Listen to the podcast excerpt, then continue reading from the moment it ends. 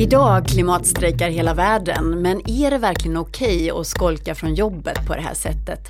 Vi har kollat med Startup Sverige. Utslagna tänder, mordhot och olyckor. Vi har dykt djupt ner i cykelbudens vardag. Och Breakits Stefan Lundell berättar om livet som telefonförsäljare och varför det är viktigt att betala för journalistik.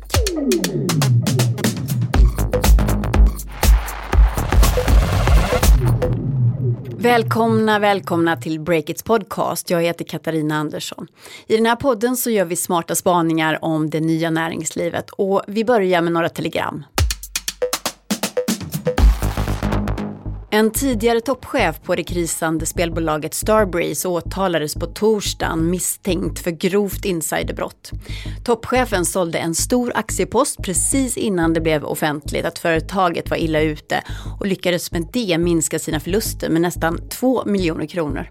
Men det är inte tillåtet att göra på det sättet och på torsdagen så väckte åklagaren åtal mot mannen som nu riskerar fängelse i upp till fyra år. Stockholmarna har vant sig vid att bli irriterade på elskotrar som står parkerade både här och där. Men nu har stan bestämt sig för att rensa upp i elskoterträsket och har skickat ut patruller som ska forsla bort felparkerade fordon. Bolagen som äger skotrarna får sedan betala för att få tillbaka dem. Och i veckan har två räder genomförts och ett 50-tal elskotrar har förts bort från gatorna. Och hittills har alla också hämtats ut igen.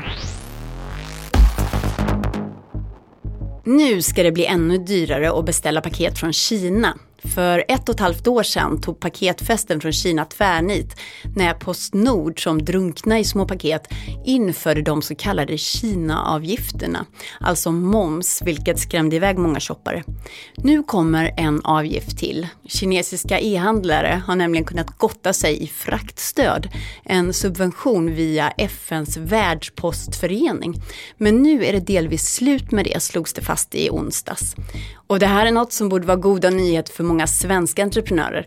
Svensk Handel som menat att upplägget lett till snedvriden konkurrens hurrar i alla fall. Hallå hallå, Stefan på Breakit här och sitter här med min kollega Olle och myser faktiskt i poddstudion. Det är så att vi ska tillsammans presentera en av veckans sponsorer, Rekomo.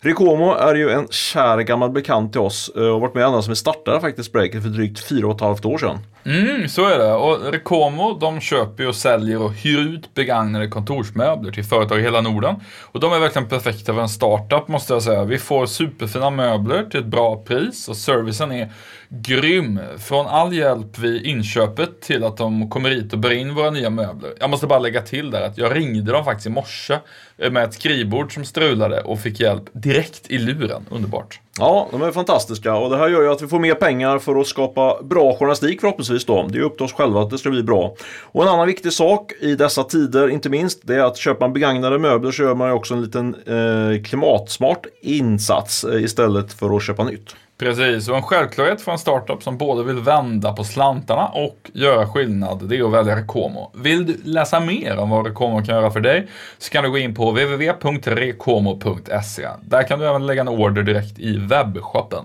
Tack Rekomo!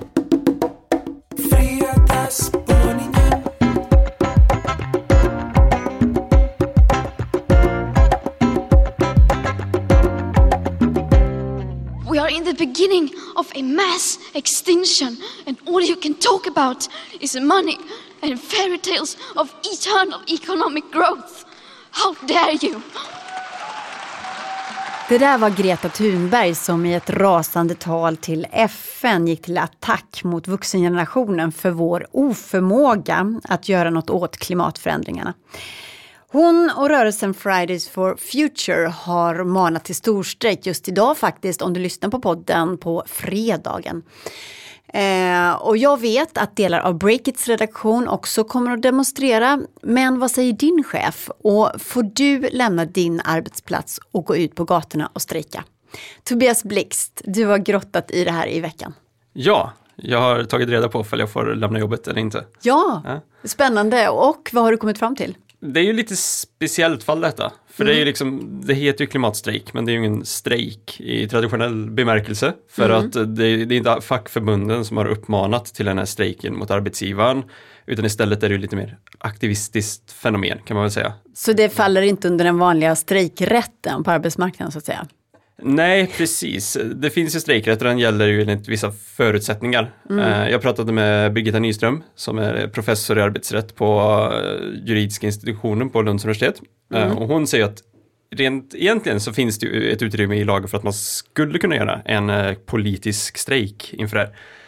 Men det är ju inget som jag sett att de stora fa- fackförbunden eller så har utnyttjat här nu då. Eh, Så då, då saknas väl de möjligheterna kan man säga och då kan det ju bli ett brott mot anställningsavtalet och det Jaha. vill man inte gärna. Så man får inte bara resa sig upp och gå då på fredagar. Men alternativet är ju bara att ta ledigt då eller kompa ut några timmar och gå ut och ställa sig på torg och strejka. Ja men precis, det är ju alternativen som finns där då, att eh, man får göra det på sin fritids eh, semesterstrejk istället. Eh, men finns det några arbetsgivare i Sverige som kommer låta sina anställda och strejka? Ja, ja, det undrade jag med. Eh, Alltså skick- få betalt också? Ja, att precis. Jag skickade ut en, eh, en liten enkät till lite olika heta techbolag här i Sverige och kollade. Det var inte jättemånga som svarade kanske, så de kanske inte har planerat att ge sina anställda tillåtet att strejka. Men... eh, Den där frågan var säkert inte välkommen Tobias. Nej, jag tror inte Nej, det. du uppmanar till eh, jobbskolk för Kan- klimatet. Ja, det gör vi här på breaket också. Men, alltså, nej, men det var några som var Transfer Galaxy exempelvis. De uh, skulle strejka både i Örebro och Stockholm, sina kontor där. Uh, digitala brevlådan Kivra, de hade inte planerat någonting, men de säger att de ska låta anställda strejka om de vill.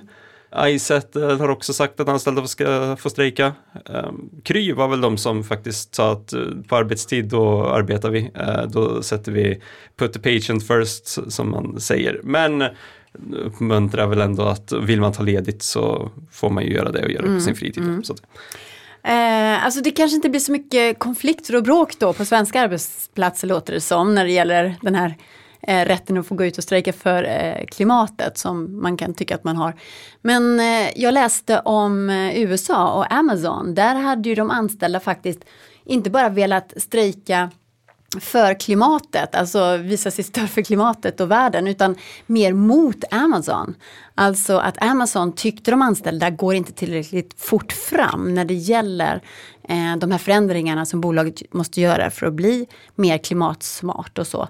Så att man strejkade ju mot Amazon och gjorde en walkout, alltså ja. ja, precis, det var ju st- större demonstrationer eh, som väl var i förra fredagen. Om jag inte Och. Google också gjorde samma sak. Precis, så att det, det, har ju, det, är ju, det är ju en globalt fenomen som många över världen tar en ställning. Eh, det här kanske inte ser ut att bli de typerna av eh, demonstrationer kanske, men eh, demonstrationer lär det bli. Men Greta-effekten har alltså drabbat de stora techjättarna i USA kan man säga.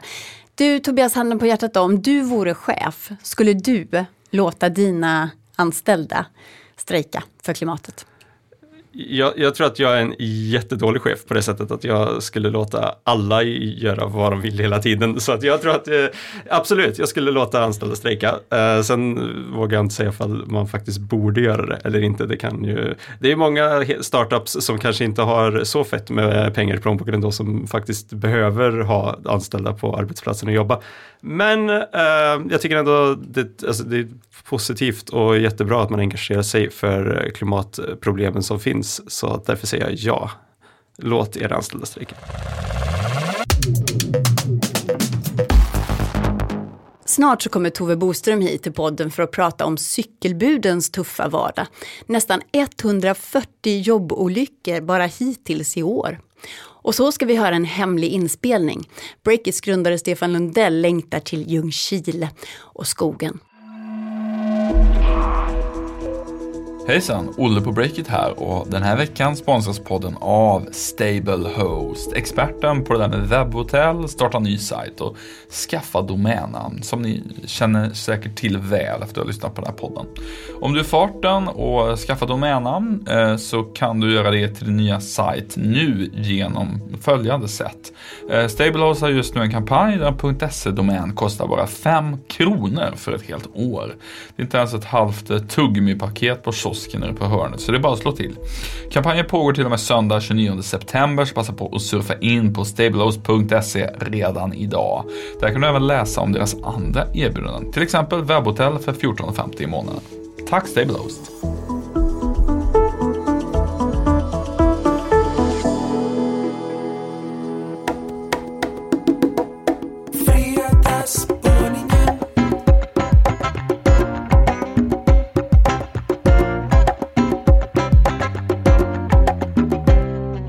Foodora, Uber Eats och Hungrig. Kriget om att leverera mat hem till våra dörrar det pågår för fullt runt omkring oss. Men nu avslöjar en granskning som Breakit har gjort att det är allt annat än ofarligt att cykla runt på våra gator för de här buden. Tove Boström som har granskat det här, vad är det egentligen som pågår? Tjena Kat, det var länge sedan sist. Ja, det var det. Ja, jag har varit busy med att gräva mig ner i massa dokument, kanske därför. Vad är det för dokument då och vad har du tittat på? Mm, det är en lite lång historia men vi, vi kortar ner det. det. Det började med att jag skulle kolla på Delivery Heroes som bland annat äger matapparna Foodora och Hungrig. Vi fick lite tips där. Men det var ingen i ledningen som ville svara på mina frågor så då gjorde jag som ja, ganska många andra journalister skulle ha gjort. Alltså kasta mig ner över offentligt material för att kolla vad som egentligen händer i de här bolagen. Och då hittade du någonting som fick dig att haja till lite? Ja, jag noterade direkt att det såg ut att vara väldigt många rapporter om skador och larm om arbetsmiljön just från Fodora där, från skyddsombuden. Mm -hmm. Och just cykelbuden, det är ju någonting som vi har granskat flera gånger. Kanske minst när eh, min kollega Erik Wisterberg wallraffade som cykelbud. Han kunde ju visa att det var rätt dåliga arbetsförhållanden då hos de här cykelbudsbolagen. Mm. Det var en jättebra granskning och den mm. vann ju också Guldspaden. Precis, det är någonting att skryta med, absolut. Men i det här fallet så har jag alltså inte cyklat utan jag tog hjälp av telefonen och ringde Arbetsmiljöverket för att reda ut hur de här matbuden egentligen har det. Och det är rätt tufft, visar det mm -hmm. sig. Hur då? då? Ja, Foodora då exempelvis har rapporterat in 138 arbetsskador hittills i år. Och det är liksom typ olyckor eller skador då varannan dag. Eh, och de här incidenterna kan vara allt från att någon har slagit ut tänderna i en krasch eller har de fått sin cykel stulen eller eh, bud som hotas till livet för att de saknat lysen exempelvis. Det finns sådana exempel i handlingarna.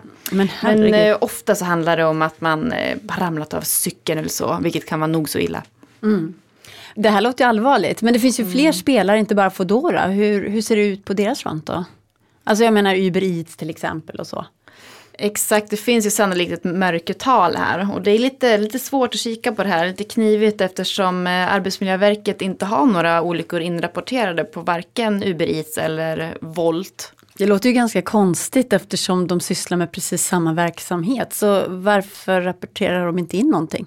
Det är själva, det är själva upplägget, att det beror på att eh, buden inte är anställda av exempelvis Uber Eats utan de är anställda av eh, egenanställda eller av andra parter. Så Uber själv behöver då inte skicka in anmälningar till Arbetsmiljöverket och det är det som gör det här så svårt att överblicka. Ja, svårt att komma åt och ja, se också. Då. Vi, vi frågar ju såklart Uber om de skulle kunna tänka sig att dela med sig av de här olyckssiffrorna men svaret var ganska rakt nej. Mm. Men som sagt, det låter ju ganska allvarligt. 138 cykelolyckor för en aktör bara hittills i år. Så vad säger bolagen om det här? Ja, Uber tiger som sagt, men Foodora då som faktiskt redovisar statistiken säger att de är såklart inte nöjda med att det sker olyckor. Men samtidigt menar de att det här är ju inte något vanligt skrivbordsjobb utan folk kan bli skadade. Eh, men de säger att de jobbar aktivt med att, eh, att följa upp och, och förebygga olyckor. Men, eh, men samtidigt på andra sidan så har vi skyddsombuden då som inte alls håller med om det här. Jag pratade med Santiago Bautista som var huvudskyddsombud på Foodora tidigare i Uppsala. Har han slutat? Ja, han, eh, han fick inte fortsätta på Foodora när han flyttade till Göteborg. Han mhm. uppmanades mm. att söka om sin tjänst. Eh, men han menar då att, att Foodora bara tänker på pengar, att de struntar i säkerheten och att buden skadar sig på grund av stress och dålig utrustning. Mm. Det är ganska allvarliga anklagelser. Mm. Mm. Vad, vad tror du då Tove, struntar Foodora bara i säkerheten och de andra bolagen? Jag tror inte att de struntar i den. Alltså Arbetsmiljöverket har liksom dessutom ögonen på Foodora så det hade varit rent dumt att strunta i säkerheten när någon bevakar den. Eh, Men saker kan absolut förbättras. Det, det framgår ganska tydligt i de här handlingarna. Eh, Samtidigt är det här en tuff bransch och det är hög konkurrens och det, det kan leda till att man tummar på säkerheten. Och det här, är det något eh, pris man måste betala för gigekonomin på något sätt? Ja men det här är ju någonting som man verkligen kan ha i huvudet. Just det här att i snitt så skadar sig ett bud varannan dag när vi ligger hemma i soffan och jäser och väntar på vår mat. Eh, och ändå vi är ju konsumenter och som hungriga konsumenter så vi kan faktiskt ställa krav.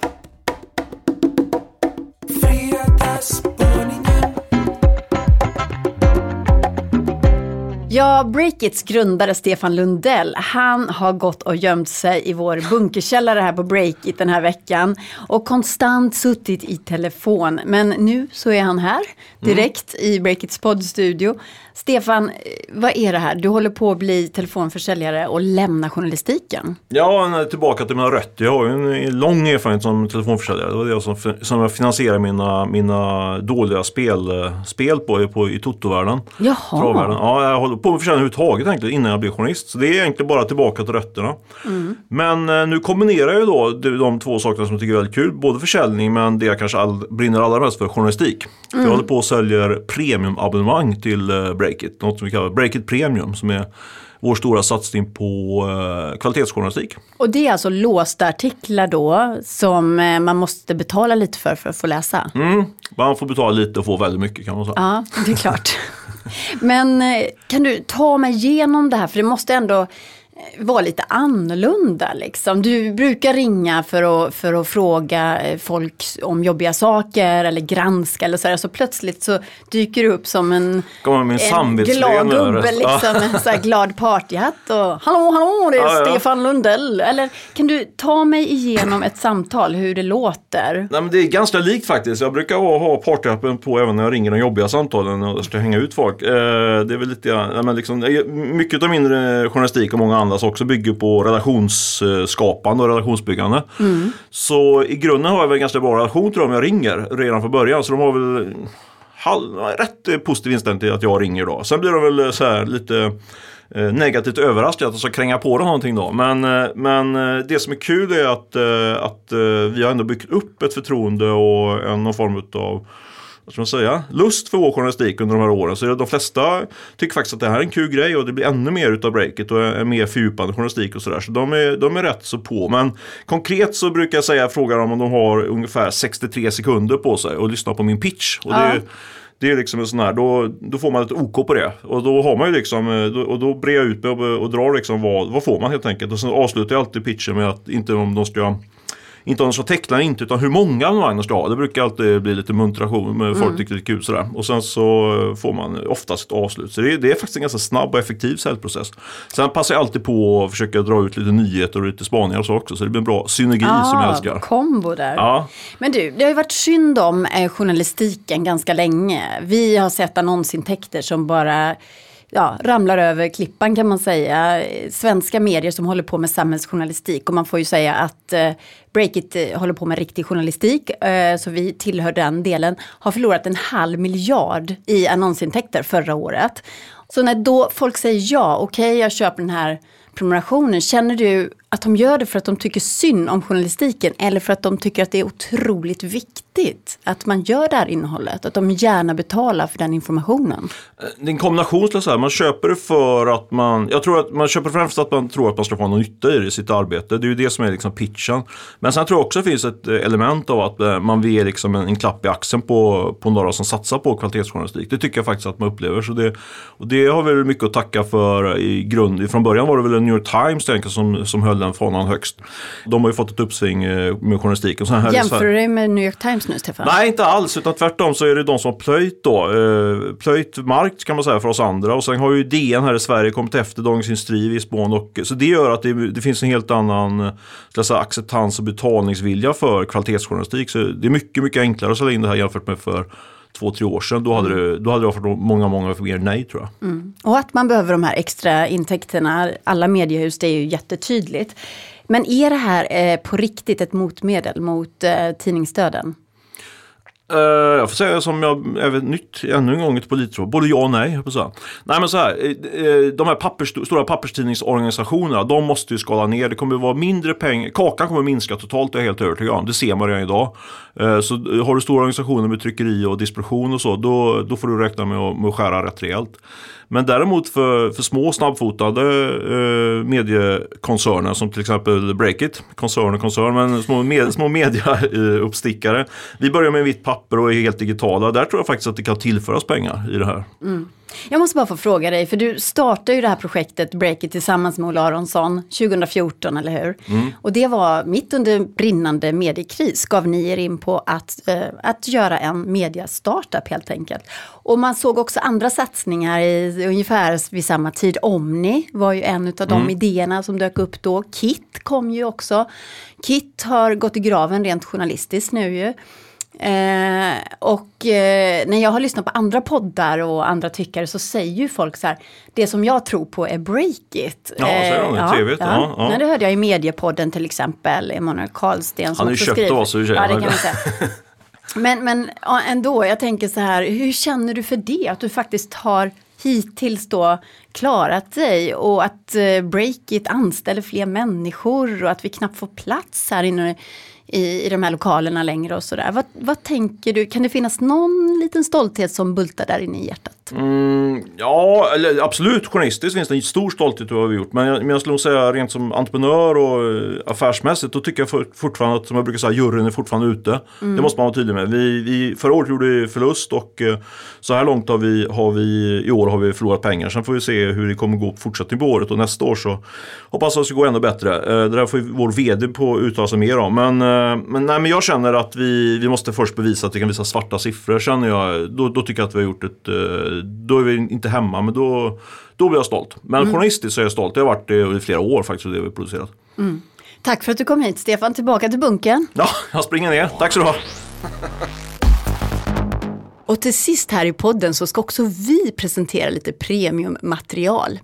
Lite exklusivt företagsskvaller. Det handlar om Stefan Lundell som innan han börjar sin spaning öppnar sitt hjärta för mig här inne i studion och berättar att nu när hans syrra har flyttat från barndomsorten Ljungskile så har han inte längre någonstans att bo när han kommer dit på besök. Men det vill han lösa. När jag kom på när jag sprang till jobbet, jag har ingenting med det här att göra. Jag bara kom på det, jag blev lite inspirerad. Jag ska ju till Chile nu för jag har, inget, jag har ingenstans att bo i Chile längre.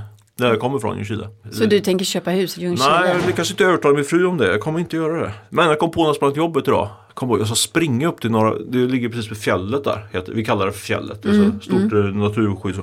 Där uppe finns det en liten stuga man kan eh, sova över natten. Så på fredag ska jag springa upp dit tänkte jag. Så sov jag där över natten ensam ute i skogen. Och så, så, jag var väldigt uppmuntrad när jag kom på det. Så du får känna av Ljungskile? Ja, det är, för det är egentligen det jag önskar, eller saknar mest, det är ju skogen där uppe. Då får det. Ja, det. Alltså du behöver ju ett hus i Ljungskile, jag hör ju det. Du Jo, kommer ju det. dö av frustration om inte Ja, du får kan det. inte vi göra en gemensam balkong åt min eh, frus stuga? Vi kan göra en sån här eh, insamling Ja. på internet Ja, ett hus. i Ljungskile.